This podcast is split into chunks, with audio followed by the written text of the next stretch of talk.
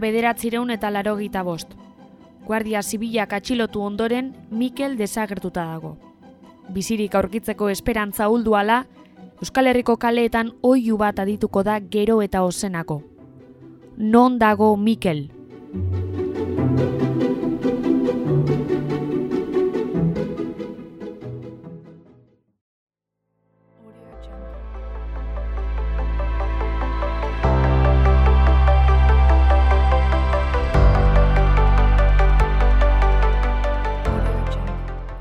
Otzaiaren hogeita zeian estrenatuko da Nonda Mikel dokumentala. Amaia Merino eta Miguel Angel Jamasek zuzendutako pieza hau desagertutako gazten afar bati buruzko kronika da.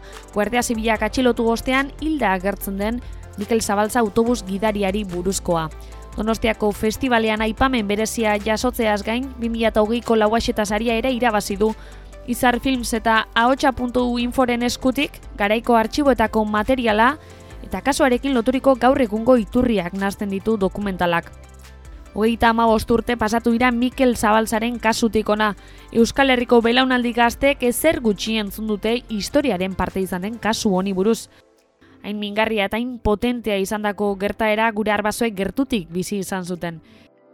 Hiru hamarkada geroago dokumental formatuan ekarri dute zinemetara Zabalza kasua, Miguel Angel Jamasek eta Amaia Merinok. Neri adibidez eskatu zigutenean e, ba, honekin zerbait egitea zen hango jendea, aezkoako jendea, e, Mikel, e, Mikel Jaioterriko jendea eta bere familiak ikusten zutena zen e, belaunaldi gazteek ez zutela oso ongi kokatzen Mikel, ez zuten oso ongi ezagutzen zer gertatu zitzaion eta beraiek esaten zuten jo, guri hainbeste eragin ziguna e, gure seme alabe, gure iobek, e, jende gazteak ez jakitea ongi zer gertatu zen, ba, mingarria sortatzen zitzaien, ez? Eta ordun eskatu ziguten ikusentzunezko bat e, egitea, eta bueno, egia zan gero ja, e, bueno, ba, proiektua asko haunditu zen, haunditu zen hainbeste, nire ustez ere, ba, esaten nuena gatik, ez? E, Nafarroan, oso potentea izan zelako Euskal Herrian baita ere, baina izan zelako zerbait oso mingarria eta bueno, ba, azkenean e, zinearetoetara iritsi gara, zinemaletik pasa gara eta bueno, ba, egia esan eh, lan handia egin behar izan dugu onaino iristeko, baina egina. Kontuan hartuta ni amabost urte nituela hau gertatu zenean eta oso oso oso, oso argi oroitzen e, oroitzen dut zer gertatu zen, nola bizi izan genuen, hori guztia, e, lehenengo pertsonan bizi izan genuen, ba, ba pentsatu nahi, jo, hemen, kriston pelikula egiteko aukera dago, eta, eta sorte honez nirekin kontaktuan jarri izan fitu, eta bai esan nion. E, Euskal Herri eratorri, tordun azkeneko hiru urteetan, bueno, ez, bi, Egia esan, gero, bi urte eta piko, egon gara e, muntaketa lanetan, eta gero, ja, postproduzioa, eta, eta honeaino, iritsi gara, ja, estreni aldira.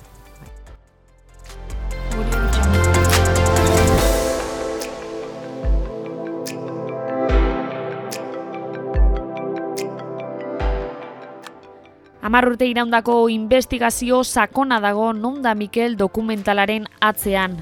Hogeita maost urtetan kasua isilpean mantendu eta gero, bertsio ofizialaren aurka historioko ahots desberdinak ekarri izkiguten berinok eta jamasek pantaietara. Gauza da, gaur egun arte, ez dela onartu, ez dela aitortu zer gertatu zen, zergatik, e, nor e, izan diren e, horren arduradun, eta hor sistema edo bueno, ez dakit ez dakit nola esango nuke bai, sistema oso bat dago, ez da, ez da bakarrikan e, e, intxaurrondoko arduradunen e, ardura, badago badago soka luze bat horren atzean. Eta gaur egun arte e, emandako bertsio rokanbolesko hori e, bertsio ofiziala da jarraitzen du izaten. Eta gu gara, e, gazur, gazurtiak. Gu, e, Idoia Ierbe, Jon Arretxe, Mikel Zabaltzaren ama, eta bar, gu gara gazurtiak eta eta beraiek dute arrazoia beraien eskuetan, ezakit nola esan. Bai, bai egia da, e, gaur egun politikoki inork ez du eta publikoki inork ez du defendatzen emandako bertsio ofizial ura, ez? Baina amaiak aipatzen duen bezala, e, orain arte e, ba, zabaltza hausia ez da argitu eta familiari etzaio eman eman beharrekoa, ez? Egia justizia eta eta e, bueno, e, erreparazioa, ez? E, dena den batzutan e, arritzen gaituena e, jendeak esaten du, ez? Bo, jo, lasata zabalaren hausia e, argitu zen, bueno, argitu zen puntu bateraino. E, baina harrigarria ez da e, hau ez dela epaiketara iritsi, baizik eta harrigarria izan zen beste ura e, iritsi zela e, epaiketara eta hori izan zen ba, ba, bueno, ba, etzutelako beste remediorik eta justizia espainolak nolabait bide bat eman behar zitzaion, e, joda, enbat eta hainbat froga zeuden, eta azkenean ez zuten beste, beste irten bidirik, eta ipaiketa egin behar izan zuten. Eta gero, gertatu zena, gertatu zen, ez? E, e, ausiperatu eta zigortutako e, jende guztia espetxetik atera egin zutela, eta galindo hilda e, oean e, bere pen, estatuaren pentsioarekin eta askatasunean ibili da e, azken guzti urte guzti hauetan, ez? Orduan, hemen agerian geratzen dena da e, impunitate osoa izan dutela e, bueno, intxaurrondon eta beste hainbat lekuetan torturatzen ibili zirena.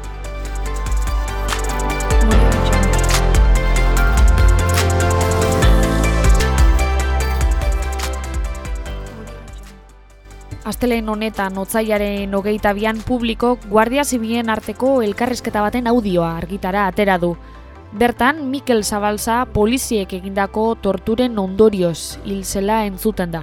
Miguel Angel Jamasek audio horri buruz hitz egin digu. Publikoa egin den eh, audio horretan, jode, audio horrekin hori nola ez da iritsi epaiketara. Nola ez da e, hau e, epaitegi batetik pasa.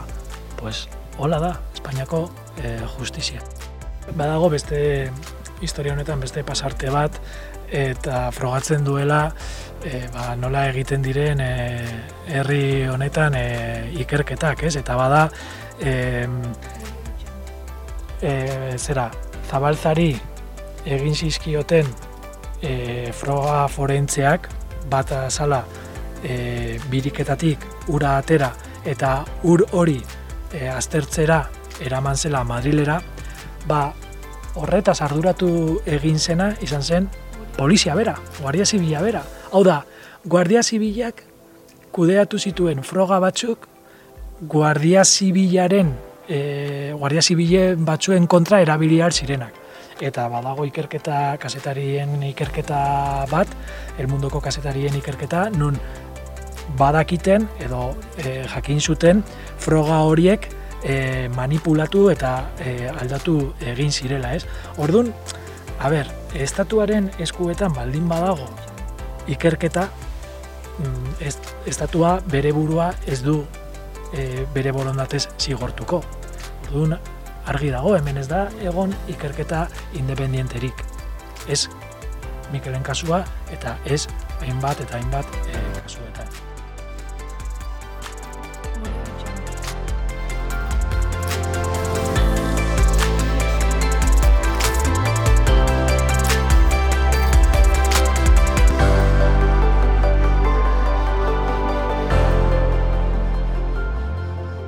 Ez da erraza izan dokumentalaren eta kasuaren beraren atzean dagoen informazio guztia bildu eta historioko parte izandakoen gaur egungo testigantzak eta garaiko artxiboetako elkarrizketak berreskuratzea. Ez eta informazio guzti hori hartu eta laro minutuko zine pieza formatu batean bihurtzea.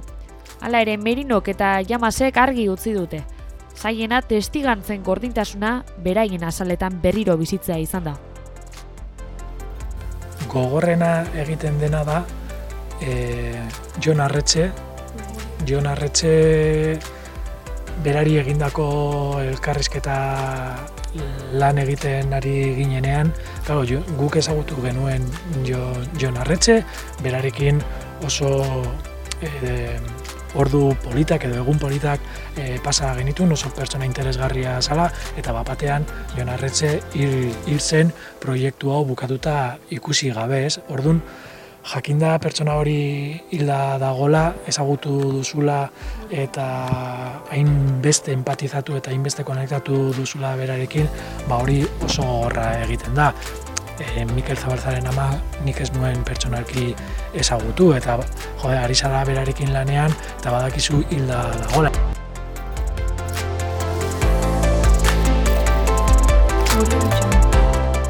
Prozesua oso, oso polita eta gogorra izan da aldi berean. Asko ikasi dugu, e, bera behin eta berriro entzuteagatik. Benetan asko ikasi dugu eta zaila izan da e, ba, pelikula batean gero kasi-kasik gauza gehienak kanpoan gelditzen direla. Eh? Eta oso oso oso ondo aukeratu behar da zer sartzen den. Eta, eta bueno, hori, hori ere zaila izan da. Nola baita esateko, ez? E, gauza batzuk e, pelikulan ez, e, ez egotea zaila izan da, baina uste dugu neurrian egin dugula, e, gure erabakiarekin oso e, ba, bat dator e, azken mozketa edo, edo emaitza.